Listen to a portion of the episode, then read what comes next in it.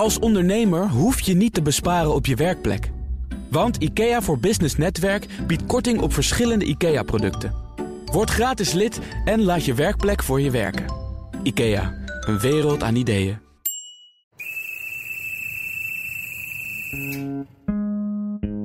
Lang leven de vrije markt. NS is sinds 1995 een particulier overheidsbedrijf dat ook concurrentie naast zich op het spoor moet dulden. Eind volgend jaar vervalt de vergunning van NS op het hoofdrailnet.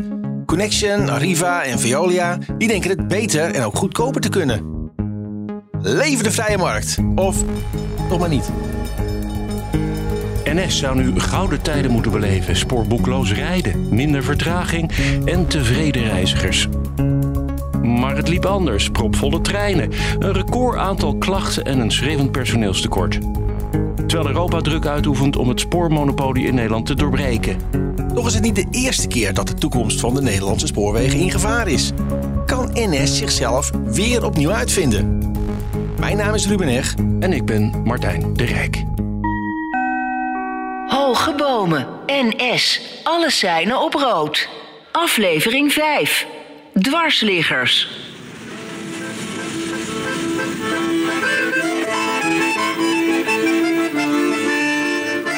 Zo klonk dat dus op 11 augustus 1996, met muzikanten in de trein. Op die dag zagen inwoners van IJmuiden iets vreemds door een achtertuin boemelen.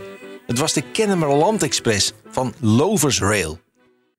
Dat Lovers je misschien van de rondvaartboot in de grachten van Amsterdam. In de jaren 90 werd concurrentie mogelijk op het spoor. Lovers liet zijn oog vallen op de spoorlijn van Zandpoort Noord naar IJmuiden. Die was in 1983 buiten gebruik gesteld door NS. Maar dat spoor dat lag er in 1996 nog steeds. Nou ja, en als dat spoor dan toch niet gebruikt wordt, dan gaat Lovers er gewoon met treinen breiden. Een strandtrein van Amsterdam naar IJmuiden. Want er is vrije markt op het spoor mogelijk. Lovers huurt twee diesellocomotieven, notabene van NS. En zet er enkele oude boemelwagonnetjes uit België achter. De trein die wordt mintgroen geschilderd en er komt een bar in. Ik las ergens trouwens dat eh, directeur Peter Sul bij de macro alle spuitbussen met zeelucht had opgekocht. En dat hij die in de trein leegspoot, zodat de reiziger bij het instappen al het eh, strand van IJmuiden kon ruiken.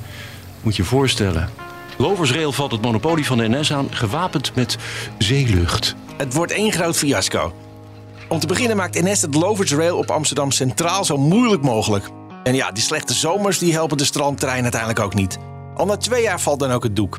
Het spoor van Zandpoort Noord naar IJmuiden raakt opnieuw en nu definitief in verval. Inmiddels ligt er een busbaan op. Maar toch heeft Lovers Rail zijn werk gedaan. Want het bedrijf liet zien dat concurrentie met NS mogelijk is. Misschien niet op het hoofdrailnet en kennelijk ook niet met een strandtreintje in de zomer, maar wel via lijntjes in de provincie die NS laat verslonzen. Concurrent Arriva valt NS nu aan met lijntjes als Zwolle naar Koevoorde of van Tiel naar Arnhem naar Winterswijk. In het hoofdkantoor in Heerenveen spreken we met directeur Anne Hettinga. En die heeft wilde plannen. in januari van Groningen naar Schiphol. En we hebben nu ook geopteerd om tussen alle treinen van NS door... op de trajecten van Zwolle naar Leeuwarden en van, Gro- van Zwolle naar Groningen... hetzelfde te gaan doen. Dat kan dan zomaar? Technisch kan het sowieso. We hebben wel vergunningen daarvoor nodig. Eh, die vergunningsaanvragen voor Maastricht, Gro- eh, Schiphol en Groningen Schiphol... die zijn verleend. En daar gaan we dus ook mee rijden. We hebben nu ook verzoeken ingediend voor die twee lijnen die ik net noemde. Zwolle Groningen, Zwolle Leeuwarden. En we zullen kijken of we die vergunning ook krijgen. Ik verwacht het wel, want er is eigenlijk niks op tegen. Merkt u dan ook dat er dan weer trucjes worden verzonnen om u eh, het, het leven onmogelijk te maken? Tot dusver nauwelijks eigenlijk. Dat- heet officieel open access, open toegang. Je hebt er wel vergunningen voor nodig natuurlijk, anders wordt het wel een beetje een warboel. Maar daar hebben we autoriteiten voor. Dat begint bij de ACM, tweede stap is de ProRail en de derde, maar die kan eigenlijk geen nee meer zeggen dan, dat is het ministerie. Nou, die drie stappen moet je doorlopen en dat hebben we in de afgelopen eh, ruim twaalf maanden ook gedaan voor die twee lijnen naar Schiphol. En dat doen we nu ook hier. En als de politiek niet meewerkt om aanbestedingen mogelijk te maken, ja, dan vinden we wel weer andere wegen. Het is een wel wat wildere weg. En- Op wat voor wegen moet ik dan denken? Gewoon eh, het spoor oprijden? Of, eh? Nou, nee, dus het doen van een aanvraag om daartussendoor te mogen rijden, dus het open access, dat is de volgende stap. Ik heb veel liever dat het ministerie een rustiger systeem introduceert, waarbij door middel van aanbestedingen op een reguliere manier de partijen het recht verkrijgen om op dat spoor te gaan rijden. Maar dat is niet de enige manier, blijkt. En ja, als het niet linksom kan, dan maar rechtsom en daarvoor ben je ook ondernemer.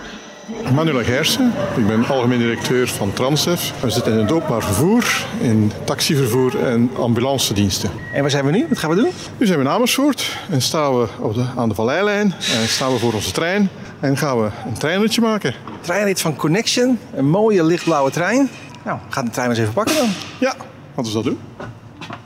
We mogen even in de cabine kijken, begrijp ik? Eens proberen. De dames straks maar een beetje vrij blijven, want dan moet ik uh, gaan fluiten. Hoe heet u? Eh, Ron, Hoe oud is die verleilijn nu eigenlijk? voordat wij hier kwamen rijden was het bekend onder de kippenlijn. Maar dit was een oud vervallen lijntje waar Connection op is gaan rijden. Dat zijn lijnen, zoals er meerdere in het land waren, waar in het verleden... Ja, dat zijn lijnen die niet zo druk bereden waren, waar NS niet de hoofdaandacht op had. En dat op dat moment in feite liever vanaf wou. En die zijn dan ook makkelijk op de markt gekomen. En dan zijn wij, maar ook een aantal andere partijen beginnen daarop bieden. En hebben wij daar ja, in elke situatie wel succesverhalen kunnen van maken. En in plaats van met grote lange treinen, zijn wij met kleinere treinen veel frequenter gaan rijden. En als je van één keer per uur gaat naar twee, drie, vier tot zeven keer per uur gaat, dan krijg je een ganz andere frequentie en een ganz andere vraag. En eh, het zijn overal succesverhalen geworden. Wat doet Connection dan anders wat NS daarvoor niet goed deed? Ja, het is niet zo'n punt van goed doen of niet doen. Wij hebben ons misschien beter aangepast en het paste minder in het NS-model. Ook Arriva sprong in dat gat. Ja, Arriva heeft ehm, een deel van het toenmalige staatsbedrijf gekocht. Dat heette toen VSN 1 en VSN 2. En dat bestond uit de noordelijke bus- en treinenbedrijven. Het VSN, dat was het Verenigd Streekvervoer Nederland, als ik het goed heb. Volgens mij heette dat zo toen, ja. En toen kon hij meteen met treinen rijden. Toen had je dus eigenlijk contracten ge- gekocht. Eh, we re- reden toen nog niet met treinen, alleen met bussen. Maar toen is Arriva in, eh, negen, in 2001 of zo begonnen met een Noordnet. Samen met de Nederlandse spoorwegen nog toen. En dat, wilde NS toch van af van die noordelijke lijntjes? eh, ja, dat noemden ze onrendabele lijnen. En die wilden ze sluiten. En wij hebben gezegd, ja, volgens ons kun je er wel een boterham aan verdienen. Dus wij gaan wel door met rijden. En die provincies die geloven ons. En die hebben ons het recht gegeven om die concessies te gaan rijden. En daarna is het ook in de vorm van aanbestedingen verder uitgebreid. En had u toen nog treinen? Met wat voor treinen kon u aan de slag? Ja, we moesten nog één jaar doorrijden met de oude NS-boemels. Maar in dat jaar hebben we nieuwe gekocht. En sindsdien hebben we 165 treinen gekocht. Eigenlijk al die lijntjes waarvan de NS dacht... daar valt dus geen eh, droge boterham mee te verdienen. Dat dachten ze, ja. Dom. En dat lukte hun ook niet kennelijk. De volgende halte is uh, Barneveld Noord. Terwijl er hier een NS-trein aankomt? Ja. Dat rijdt gewoon keurig langs de heen. Rijden gebroedelijk uh, langs elkaar en uh, achter elkaar. Ja, dat is geen probleem. Wordt gezwaaid. Ja, natuurlijk. Het blijven collega's van elkaar, hè? Ja. Wij hebben op lijnen zoals deze 70, 80 procent groei gekend van reizigers sinds het begin. Dan kan je wel van een succes spreken. Dat maakt ook dat je meer treinen kan inzetten, waardoor die reiziger weer meer tevreden komt. Je hebt een ander concept. De concurrentie snoept langzaam maar zeker delen van het monopolie van NS af. En dat is een beetje eigen schuld, dikke bult. NS wilde in 1994 van allemaal spoorlijnen af. Vooral in Groningen en Friesland. Die waren onrendabel, vond NS. Maar onbedoeld werden zo concurrenten als Arriva en Connection in het zadel geholpen. Waar NS er eerst vanaf wilde, daar wordt nu werkelijk gevochten om alle regionale spoorlijnen. Vals spel rond een vergunning met stoptreinen in Limburg kostte de hoogste baas van NS in 2015 zelfs eens de kop. En dat is echt 007-spul. Hè? Eh, topman Huges van NS-dochter Cubus... die zou valse verklaringen hebben afgegeven over een mol... die hij had bij concurrent Veolia... die hem dan vervolgens vertrouwelijke informatie kon toespelen... over de biedingen en zo. Dat bewijst maar weer eens dat de trein tegenwoordig, ook in de randen van het land, een flinke economische waarde heeft. Een ander concept van treinen laten rijden, zegt Manu Legeerse van Transdev daarnet. Welk ander concept is dat dan? Ik ben een dagje gaan treinen met Freek Bos. Hij is directeur van reizigersorganisatie Rover en weet daarom alles van het openbaar vervoer. Mijn gevoel is, een groot bedrijf als NS kan het beter. Er gebeurt veel, maar gelijktijdig is het uh, is misschien ook nog wel het spoor een ouderwets bedrijf hoor. Er zit ook nog wel heel veel. Uh, um, ja, dus we hebben nu een personeelstekort. Dat gaan we dan oplossen door treinen korter te maken. Terwijl we niet kijken, kan een trein ook veilig rijden door een spiegel op het perron te zetten. Waardoor de conducteur kan zien of de, de deuren goed dicht zitten. Of kan de machinist dat eigenlijk niet? Waarom laten we een, een persoon deuren sluiten? En waarom kan dat niet de machinist? Want die ja, mag niet vertrekken als niet veilig is. Dus ja, dan, als de deuren openstaan is het niet veilig. Als hij dat nou goed kan, kan controleren. Dus bij de metro toch wel? En regionale vervoerders doen het ook, dus het kan wel. Maar je ziet toch ook dat het uh, bij NS uh, nog, uh, nog niet gebeurt. En dat ze daar gaan beginnen met een pilot om te kijken of het kan. Oké, okay, groter is dus vooral langzamer. Kleine vervoerders kunnen sneller innoveren. Misschien is het grote NS iets te bureaucratisch. En soms zie je het misgaan juist als het om vernieuwing gaat. Denk aan het spoorboekje. NS bedacht dat die dingen wel weg konden. Daar stopte NS in 2009 mee, maar een deel van de reizigers had daar toch behoefte aan. Dat klinkt misschien raar, maar het zegt zo. Op een miljoen reizigers per dag is dat misschien een klein deel, maar het gaat toch om enkele duizenden mensen. En zo had je ook die gele vertrekstaten. Die gele borden met die vertrektijden op het station? Ja, ik kijk er nooit op. In 2013 vond ik eens in de jaarcijfers dat NS ze ging weghalen. En dat was helemaal afgestemd bij het ministerie, want NS moest geld besparen. En mensen keken toch wel in de app. Toen ik daar een artikel over schreef voor de treinkrant Metro, stond het hele land in brand. Oké, en toen? Nou, een dag later werd het besluit teruggedraaid. En die borden staan er nu nog steeds. Zo worstelt NS met innovaties, geld besparen en toch groepen reizigers die niet zo snel mee kunnen. Hildebrand van Kuijeren van treinreiziger.nl geeft het afgedankte spoorboekje alsnog uit. Hij kan uh, meepraten over de steekjes die NS laat vallen. Nou, ik denk wel in het algemeen uh, dat, dat dit soort dingen, dat, er te veel naar de massa wordt gekeken. En uh, te weinig naar de kleinere groepen die er ook zijn. Je zag het ook inderdaad met, het, met de overgang naar de overchipkaart. De overchipkaart is heel handig, maar er zijn ook mensen die daar wat meer moeite mee hadden om dat mee mee te komen. En dan heeft NS toch wel moeite om zich dan, om dan te kijken van, nou ja, als dat, als dat toch om, om 20, 30, 40.000 mensen gaat, om te kijken van, kunnen we daar dan niet iets voor, voor aanbieden. Dus ik denk dat dat wel breder speelt. En daar heb je later wel gezien dat ze daar later dan toch wel weer van teruggekrabbeld zijn op een bepaalde manier. Net als die gele vertrekstaten, want die zouden ze toch ook weghalen. En die staan er nu toch nog weer nog steeds. De Thalys, de Thalys is daar. Ah, de Thalys is er. Oké, okay. je maakt herrie. De gele vertrek staat er dus. Dat hebben ze inderdaad teruggedraaid nog voordat ze het hebben afgeschaft.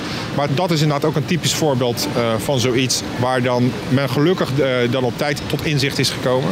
Ja, het is natuurlijk nog steeds zo dat NS op dit moment 80% van de reizigers vervoert. En de kosten zijn gestegen en de inkomsten zijn gedaald. En met name de reizigers die in de spits reizen, die zijn afgehaakt. Dus er wordt wel heel kritisch natuurlijk gekeken naar alles waarop bezuinigd kan worden.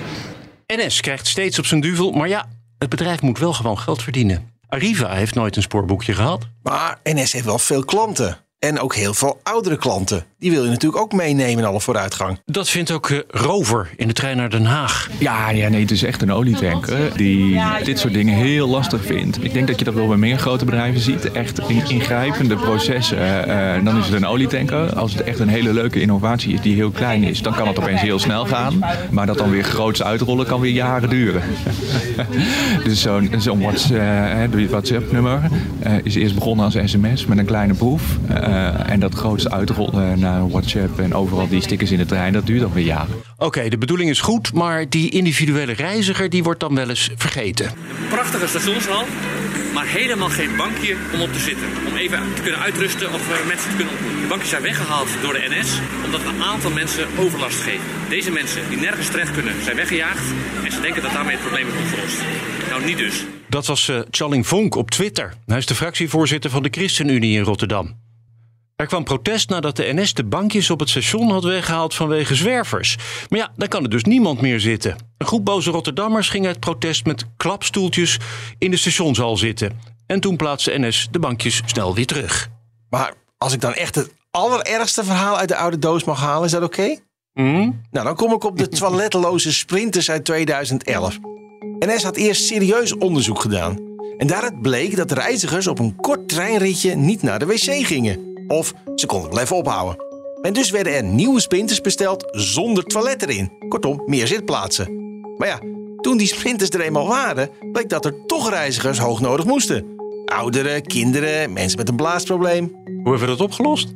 Ja, ik durf het bijna niet te zeggen, maar met een plaszak. Moeten we zelf ervoor zorgen of reikt de NS dat uit? U kunt bij de conducteur een zakje vragen en dan kunt u bij hem in het hokje. nou, dat zou ik eens uit moeten proberen. nou, goed, en waar laat hij dat? Toen gingen de wc's dus alsnog in die nieuwe sprinters, die dus al waren geleverd. En zo ging per trein 310.000 euro aan extra kosten, letterlijk en figuurlijk, door het toilet. Jemig, dat is wel heel veel geld. Volgens mij hadden ze het beter van tevoren over na kunnen denken. Je gelooft het niet. Freek Bos van Rover. Als reiziger uh, hebben we denk ik vooral last van een soort van ja, centralisatie. Hè? In zo'n groot bedrijf, de kracht van een groot bedrijf is natuurlijk dat je heel veel kunt doen. Het grote nadeel daarvan is dat maatwerk heel lastig is. Dus eh, als er iets aan het spoor aan de hand is, uh, dan uh, bij treft het dan waarschijnlijk het hele land. Terwijl je eigenlijk wil dat het veel meer maatwerk is. Dat als er in Maastricht iets aan de hand is, dat de trein in Amsterdam gewoon rijdt. Hoe zien jullie dat dan? Hoe zou het verder moeten op het spoor? Als er niks aan de hand is, gaat het fantastisch. Maar als er wat aan de hand is, dan zie je ook meteen dat de klanttevredenheid daalt en, en, en dat de problemen groot worden. Vijf minuten vertraging, dat, dat kan een keer gebeuren en, en daar heeft niemand last van. Uh, gaat het om kwartieren, dan wordt het opeens spannend en uh, worden de standaard procedures afgerold die toch net niet passen op elke unieke situatie. En, en daar moet NS als bedrijf wel echt wat aan gaan doen om klaar te zijn voor die toekomst. Omdat je juist veel meer mensen in het OV moet hebben. Ja, ondertussen is het wel uh, lekker druk daar in de trein, hoor ik al. Last van centralisatie, zegt Rover. Te veel standaardprocedures. Dat klinkt best Nederlands. Ja, nou om dat op te lossen hoor je wel steeds het oude riedeltje terugkeren. Stop met die marktwerking en concurrentie. Breng NS en ProRail weer samen. Daar is de concurrentie het natuurlijk helemaal niet mee eens. Anne Hettinga. Nou, dit is vakbondsretoriek. En um, vanuit hun perspectief kan ik daar iets bij voorstellen. Ik zou het voor die reiziger, maar ook voor de belastingbetaler ongelooflijk slecht vinden. Want wat was het een verschrikkelijk inefficiënt en daardoor kostbaar en slecht opererend bedrijf voor de marktwerking. Toen de marktwerking in gang kwam, toen moest de NS ook mee. En die heeft echt aanzienlijke verbeteringen doorgevoerd ook. Maar onder druk van die concurrentie. Niks menselijks is ons alle vreemd, zeg ik altijd. Haal je concurrentie weg, dat verslapt. En dan zakt die boel weer als een plumpudding in elkaar. Dus laten we vooral niet weer één bedrijf van maken. Want dan is de concurrentie weg en de prikkel weg om het beter te doen. NS en ProRail weer samen maakt het er echt niet beter op, vinden de commerciële althans. Zij zeggen dat marktwerking vervoerders juist scherp houdt. Daarom moet NS volgens Manu Legeerse van Transdev juist niet te machtig zijn. Zeker. Vooral omdat nog niet die volledige scheiding van al die diensten gebeurd is. Moest dat wel zijn en je zou alleen nog een spoorbedrijf hebben dat alleen diensten en mee in concurrentie gaat, dan zou het niet zo'n probleem zijn. Maar ze gaan aan de ene kant over de spelregels wie mag toetreden. En aan de andere kant hebben ze ook het bedrijf die op 94% rijdt. En proberen te beschermen dat alles zoveel mogelijk intact blijft. Daar zijn we voor deze podcast dus ingedoken. Maar wat NS precies verdient aan de stations en de koppen koffie die er worden verkocht, dat weet alleen NS. Want het staat niet in de jaarcijfers. Dat is een van onze punten die wij niet zo gelukkig mee zijn. Alle stations zijn een eigendom van NS, ook degene waar zij niet meer stoppen. Een van de punten die we al jaren voor ijveren van Zet dat niet bij NS, maar zet dat bijvoorbeeld bij ProRail, waardoor je iedereen de gelijke kansen geeft om die stations te gaan inrichten en te gebruiken, om daar ook optimaal de, de reizigers te kunnen bedienen. Maar wacht even, als ik het dus goed begrijp, ik zie hier een rails, die is van ProRail, en we staan op een perron, die is van ProRail, en dat station waar Barneveld Noord op staat, dat is van NS. Alle stationsgebouwen zijn van NS, ja. Hmm, dat is wel heel apart. Dat is heel apart en dat, dat zie je in alle landen wel. Hè, want op het moment dat je een monopolist hebt die alles heeft, de rails, de gebouwen, de treinen, en op een bepaald moment wordt het, ga je naar marktwerking, dan is niet alles van op één dag geregeld. En dat is nog een van de overblijfselen die we graag wel op een bepaald moment geregeld zien. Dus als hier heel veel reizigers komen en NS die zet er een koffiewinkeltje neer of een Julia's en jullie brengen de reizigers binnen en de horeca-opbrengsten gaan er naar NS. Dat klopt. Ja. Hoeveel moeten jullie dan betalen om een, bijvoorbeeld jullie personeel een kopje koffie te kunnen laten drinken of om een winkeltje te beginnen? De prijs is vaak niet het probleem. We betalen een marktconforme prijs. Het gaat dan meer om, krijg je wel toegang op de ruimte die je graag zou hebben? Of word je onderaan de lijst gezet en gaat een winkel voorrang krijgen op jij die het misschien nodig hebt voor je dienst? Je mag niet vergeten als wij ons personeel die een pauze moet nemen, 200 meter of, een, of 500 meter of 800 meter moeten lopen. Dit speelt enorm veel in de efficiëntie van onze diensten. Want het heeft meer tijd nodig om naar zijn pauze te kunnen gaan of terug te gaan of naar het toilet te gaan bijvoorbeeld. Het is geen ramp, maar het is niet ideaal. De komende 10 jaar geen revoluties, zeiden de concurrenten in aflevering 1 al. Ze willen het hoofdrail nu nog niet, alleen 20 extra lijntjes erbij. Maar ze willen wel dat die stations van NS naar ProRail gaan. NS is een particulier bedrijf, maar wel in overheidshanden. En hoewel de overheid aan de ene kant meer concurrentie wil, gaat NS aan de andere kant al die concurrenten natuurlijk niet zomaar sterker maken. Dat is nou toch wel een dilemma. Dat ziet ook hoogleraar Erik Verhoef tijdens de verkeersdrukte op Amsterdam-Zuid. Waar die grens precies ligt, dat weten we niet. Want om het antwoord daarop te geven, zou je eigenlijk tot in de finesses van de boeken van de NS moeten kunnen kijken. Om te kunnen bepalen waar liggen dan die exacte netwerkvoordelen. En dat is weer strategische bedrijfsinformatie die de NS ook niet zomaar prijs zal geven.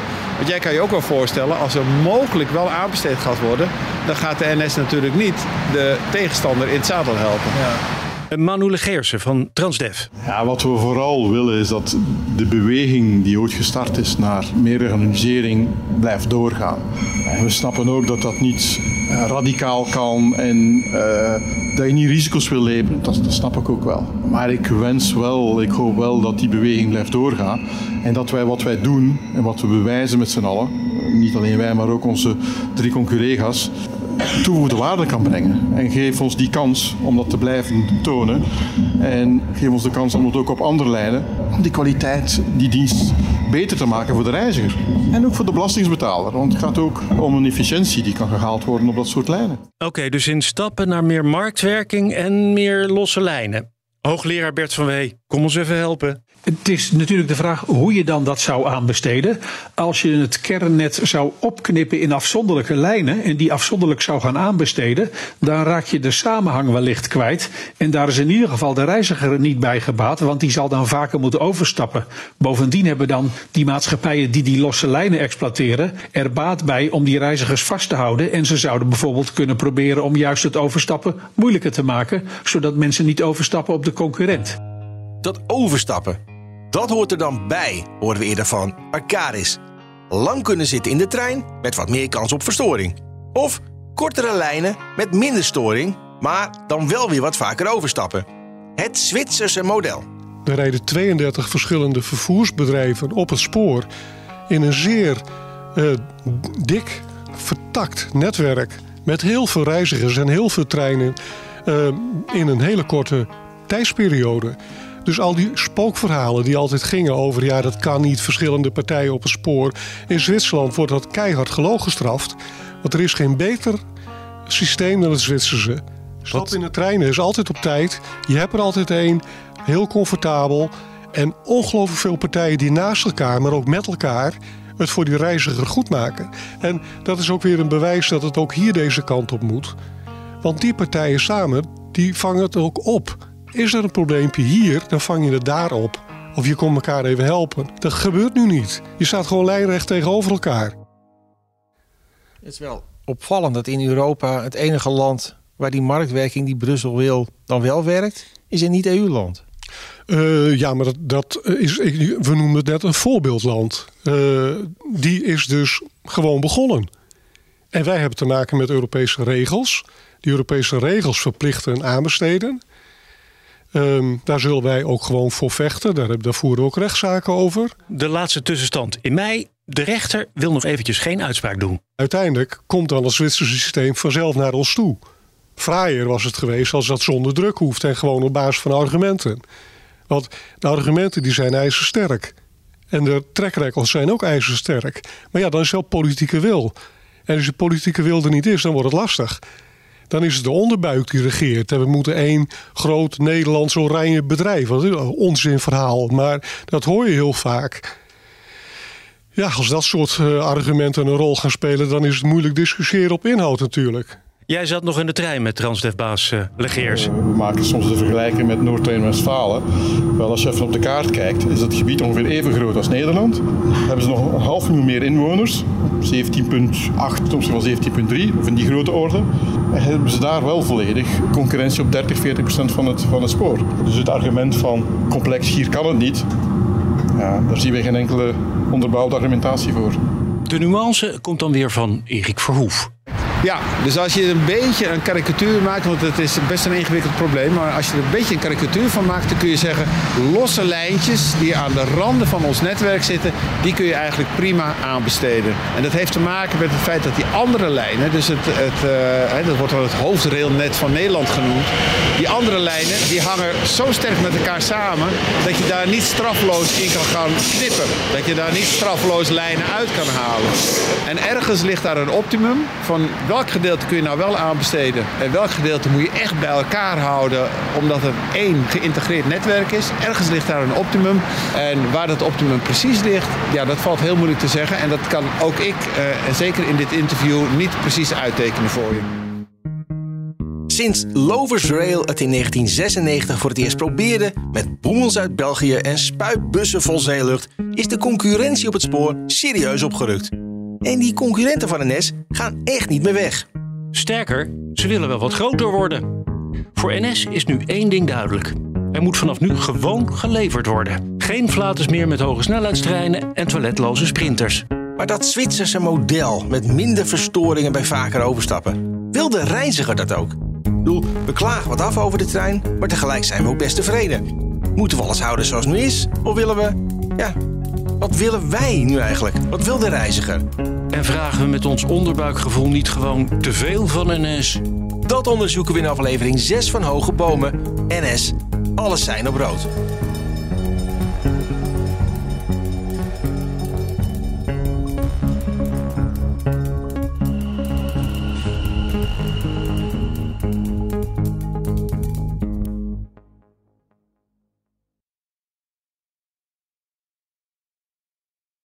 Het inrichten van je eigen zaak is best wel wat werk. Daarom biedt IKEA voor Business Netwerk 50% korting op interieuradvies. Word gratis lid en laat je werkplek voor je werken. IKEA, een wereld aan ideeën.